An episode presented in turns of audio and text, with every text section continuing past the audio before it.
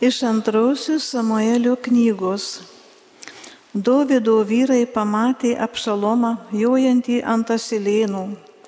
Prabėgant asilėnui pro didelį ažolą, apšalomas galva užkliuvęs už jo šakų, pakibo, pakibo tarp dangaus ir žemės, o jo asilėnas nubėgo. Kažkas tai matė ir pranešė Joabui. Mačiau apšalomą ant ažolų kybant. Joabas paėmė tris jėtis, sudūrė krūtinę apšalomui, kurios ažuole dar gyvas kabojo. Dovydas sėdėjo tarp dviejų vartų, o žvalgas buvo užkopęs ant vartų stogo aukščiau sienos. Jisai pažvelgęs pamatė ateinantį vieną vyriškį. Paskui atėjo košitas ir tarė, mano valdovė karaliau teikis išgirsti gerą naujieną, kad viešpas tau šiandien atstatė teisybę akivaizdoje visų, kurie buvo prieš tave sukilę. Karalius paklausė kušitą, kaip sekasi jaunuoliui apšalonui. Kušitas atsakė, taip kaip tam jaunuoliui tesiseka mano šeimininkų karaliaus priešams, visiems, kurie turėdami piktų keislų buvo prieš tave sukilę. Tada karalius silvartingai susigūžiai palipo į viršutinę vartų patalpą ir pravirko. Vaitodamas jis kalbėjo, mano sūnau apšalomai, mano sūnau, mano sūnau apšalomai, o kad aš būčiau miręs vietoj tavęs, apšalomai, mano sūnau, mano sūnau. Ir buvo pranešta Joabui, karalius verkė, jis gėdė apšalomo. Taip tą dieną pergalį virto gedulu visiems kariautojams, kadangi tą dieną kariūnai išgirdo, karalius liūdė savo sūnaus. Tai Dievo žodis.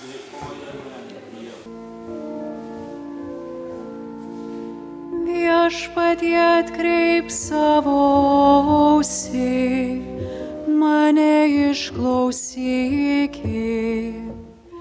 Viešpatie atkreip savo ausį, mane išklausyki.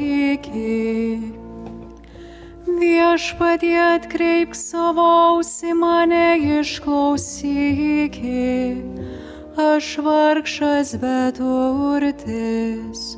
Saugok mano gyvybę, aš tau atsidavęs. Mano Dieve gelbėk į tarną, kuris tavim vėlės.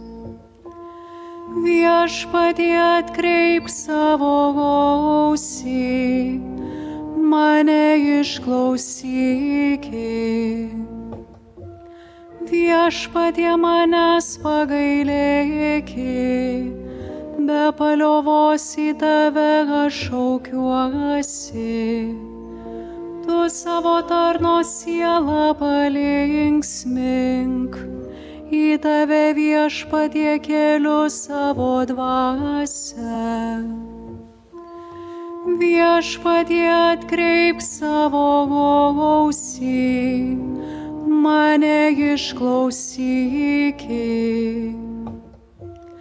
Viešpatie tu meilus maloningas ir gailestingas visiems, kurie tavęs šaukės.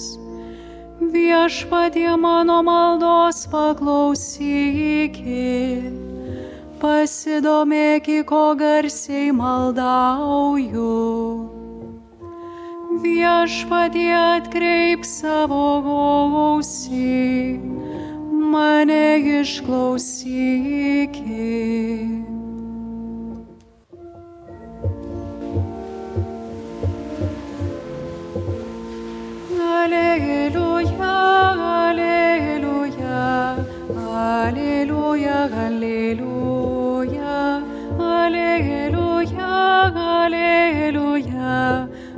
Aleluya, aleluya. Aleluya, aleluya. Aleluya, aleluya. Aleluya, aleluya. Aleluya, aleluya. Jis pasimė mūsų negalės, savo užsikrovė mūsų lygas. Aleliuja, aleliuja, aleliuja, aleliuja, aleliuja, aleliuja, aleliuja, aleliuja. Viešpat su jumis. Iš Ventosios Evangelijos pagal Morkų. Jėzui persikėlus valtimi į kitą ežero pusę, susirinko prie jo didžiulė minė ir sulaikė jį pažerėje. Šit ateina vienas iš sinagogos vyresniųjų, vardu Jejiras. Ir pamatęs jį puola jam po kojų ir karštai maldauja. Mano dukrelė miršta. Ateik ir uždėk ant jos rankas, kad pagytų ir gyventų. Jėzus nuėjo su juo. Iš paskos sekė gausi minė ir jį spauste spaudė. Ten buvo viena moteris, jau dvylika metų serganti kraujoplūdžio. Nemažai iškentėjusi nuo daugelio gydytojų ir išleidusi visą, ką turėjo, ji niekiek nepasitaisė, bet dar ėjo blogin ir blogin. Išgirdus apie Jėzų, jie prasiskverbė pro minę ir iš užpakalio prisilietė prie jo apsausto. Mat jis savo kalbėjo, jeigu paliesiu bent jo drabužį, išgysiu. Bematant kraujas jai nustojo plūdęs ir ji pajuto kūnu, kad yra pasveikusi savo negalės. O Jėzus iš karto suprato, kad iš jo išėjo jėga ir atsigręžęs į minę paklausė, kas prisilietė prie mano apsausto. Mokiniai jam atsakė, pats matai, kad minė tave spaudžia ir dar klausi, kas mane palietė. Bet Jėzus besidairė tos, kuri, buvo, kuri tai buvo padariusi. Moteris išėjo į priekį, įsigandus ir virpėdama, nes žinojo, kas jai atsitiko ir puolusi prieš jį ant kelių papasakojo visą teisybę. O jis tarė jai, dukra, tavo tikėjimas išgelbėjo tave, eik rami ir būk išgyjusi į savo lygos. Jam dar tebe kalbant, ateina sinagogos vyresniojo žmonės ir praneša tam, tavo duktė numirė, kam be kaišini mokytoje. Išgirdęs tuos žodžius Jėzus sako sinagogos vyresniajam, nenusigask vien tikėk. Ir niekam neleido eiti kartu, įskyrus Petrą, Jokūbą ir Jokūbo brolį Joną. Jie ateina į sinagogos vyresniojo namus ir Jėzus mato sujudimą, verkiančius ir audančius žmonės. Įžengęs vidun jis tarė, kam tas triukšmas ir ašaros, vaikas nėra miręs, o miega. Žmonės tik juokėsi iš jo. Tada, išvaręs visus, jis pasėmė vaiko tėvą ir motiną, taip pat savo palydovus ir įėjo ten, kur vaikas gulėjo. Jis paėmė mergaitę už rankos ir sako, talita kum. Išvertus reiškia, mergaitė, sakau tau, kelkis. Mergaitė tuo jau atsikėlė ir ėmė vaikščioti. Jai buvo dvylika metų, visi nustėro iš nuostabos. Jėzus griežtai įsakė, kad niekas to nežinotų ir liepė duoti mergaitei valgyti. Tai viešpaties žodis. Talita kum, vaikeli, mergaitė, sakau tau, kelkis. Išganytojo ištarti žodžiai gražino mergaitai gyvybę. Dieviškoji gale, talita kum. Bet šitos žodžius pasitaupykime mūsų susimastymo pabaigai. O pradėkime nuo kiek tolėliau. Apie dvilypiškumą, apie dvilypumą.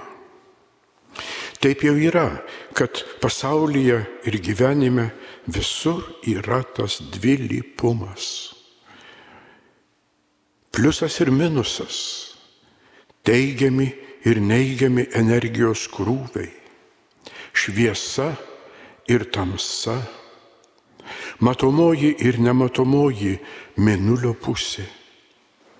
Žmogaus gyvenime džiaugsmas ir sielvartas, siekis, viltis ir nusivylimas, sveikata ir lygos kančia, gyvybė ir mirtis. Asmeninėme gyvenime, mes sakome, sielos gyvenime tikinčiųjų esame tarpe įpratę taip sakyti. Taip pat neišvengiamai yra dvilypumo. Matomoji žmogaus gyvenimo pusė. Sakoma kartais fasadinė pusė. Ir nematomoji, giluminė žmogaus asmenybės, žmogaus sielos pusė. Tas dvilypumas kartais ir su priešingybėmis susijęs. Štai žiūrėk, žmogus, sakytume, populiarių posakių, sėkmės džentelmenas, visuomenėje turintis puikią padėtį, išsilavinimą, šeimą, sėkmingą darbą arba verslą, pakankamai sveikas, pakankamai pilnas gyvybinių jėgų ir veržlumo žengti pirmin gyvenimo taku. Fasadas. Nes žiūrėk, to žmogaus viduje dažnai glūdi baimė, netikrumas dėl ateities, abejonė, nusivylimas, vienišumas. Tai tamsioji pusė, kuri regis sėkmingai gyvenantį ir turi, turėtų būti laiminga žmogų, viduj padaro nelaimingu. Tas dvilypumas šitaip sugriauna žmogaus laimę, kartais sugriauna gražiausias pastangas. Mes tikintieji kalbame apie dvasinį gyvenimą, apie sielos gyvenimą. Čia taip pat gali būti to šešėlio, kurisai gražiausias pastangas gali paversti niekinomis.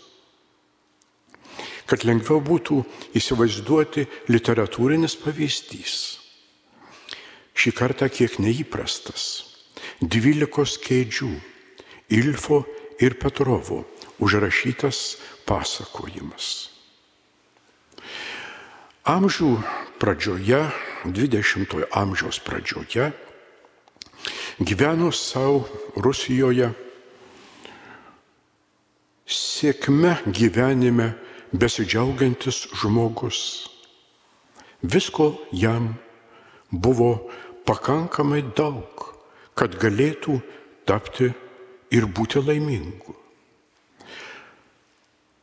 Bet štai jisai sugalvojo siekti aukštesniųjų dalykų, ne vien tik tai apriep, apčiopiamųjų būtinių dalykų sėkmės, bet siekti dvasinės pažangos.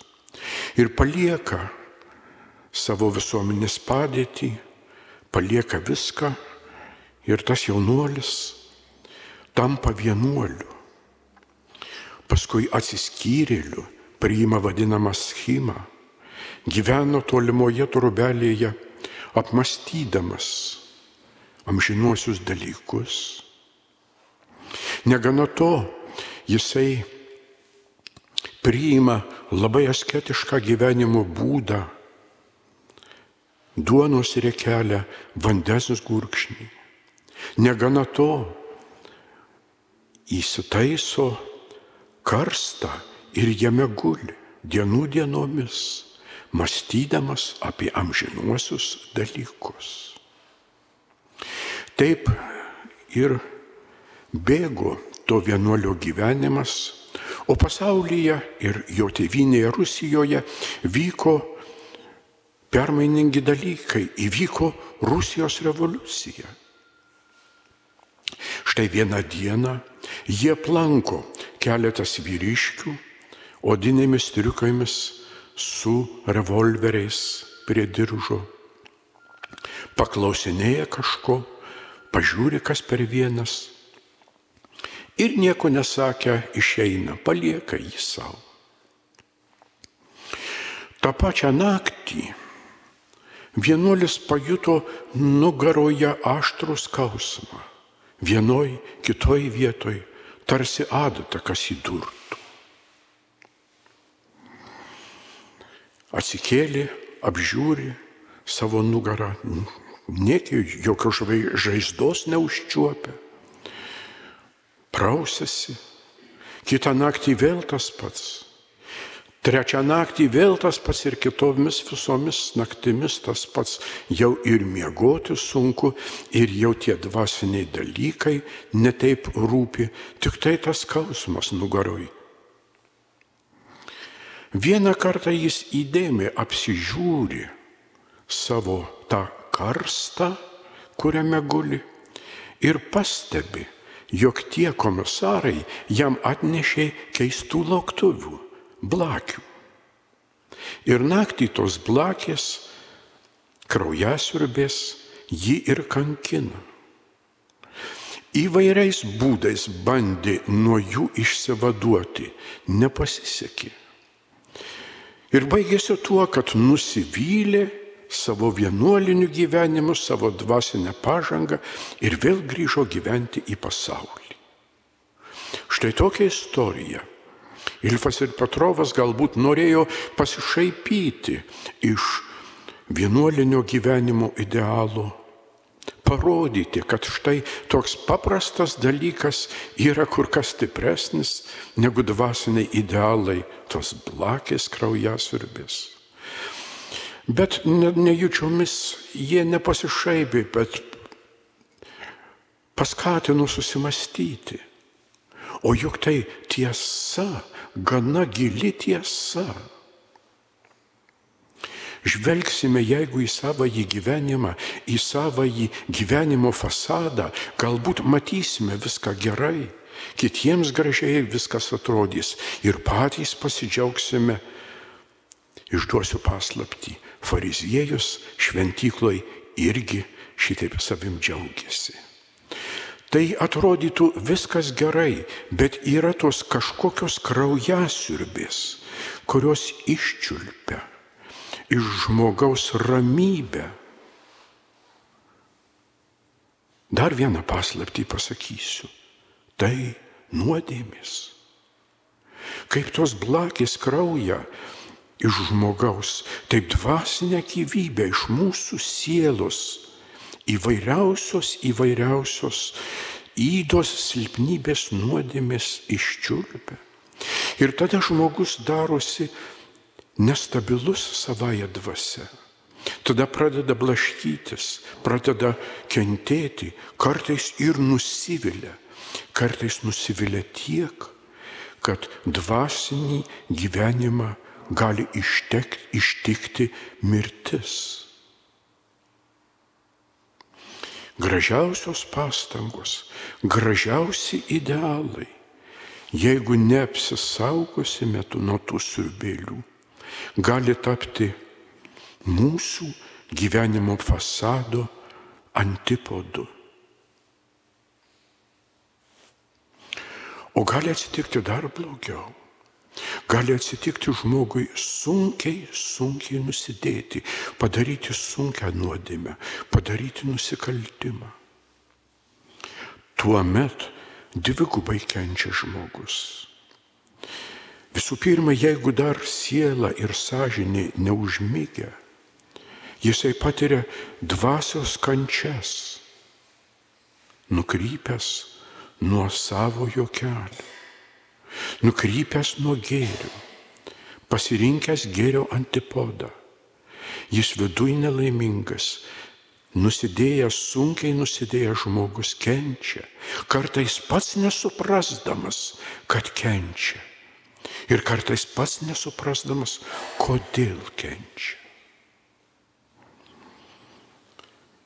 Žmogus sukurtas pagal Dievo paveikslą ir panašumą.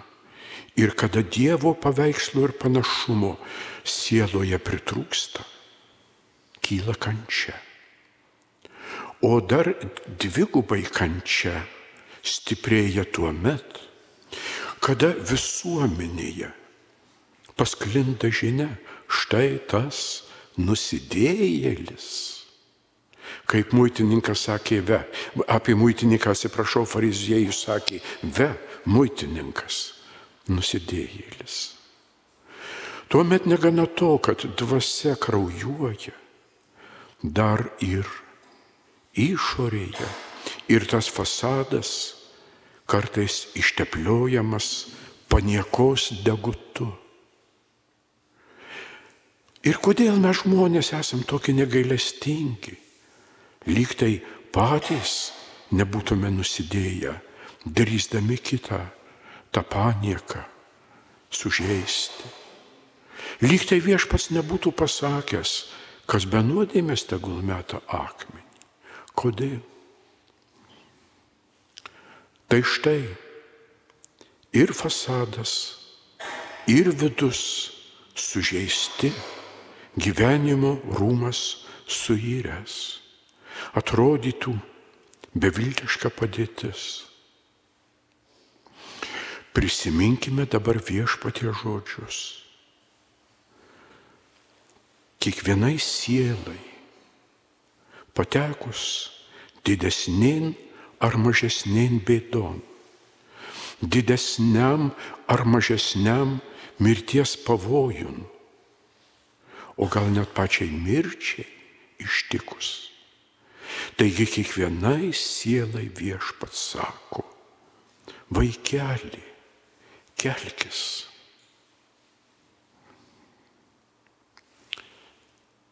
Šitie dieviškieji žodžiai yra pagrindinė mūsų gyvenimo viltis. Koks bebūtų mūsų gyvenimo fasadas gražus, neišvengsime tų bluselių, kurios mūsų sielas syvus gyvybinius iščiulps. O nedaug Dieve sunki nuodėmė. tą sunkę valandą atėjus, tie dieviškai žodžiai, vienintelė viltis, vaikeli, kelkis, talita, kumi.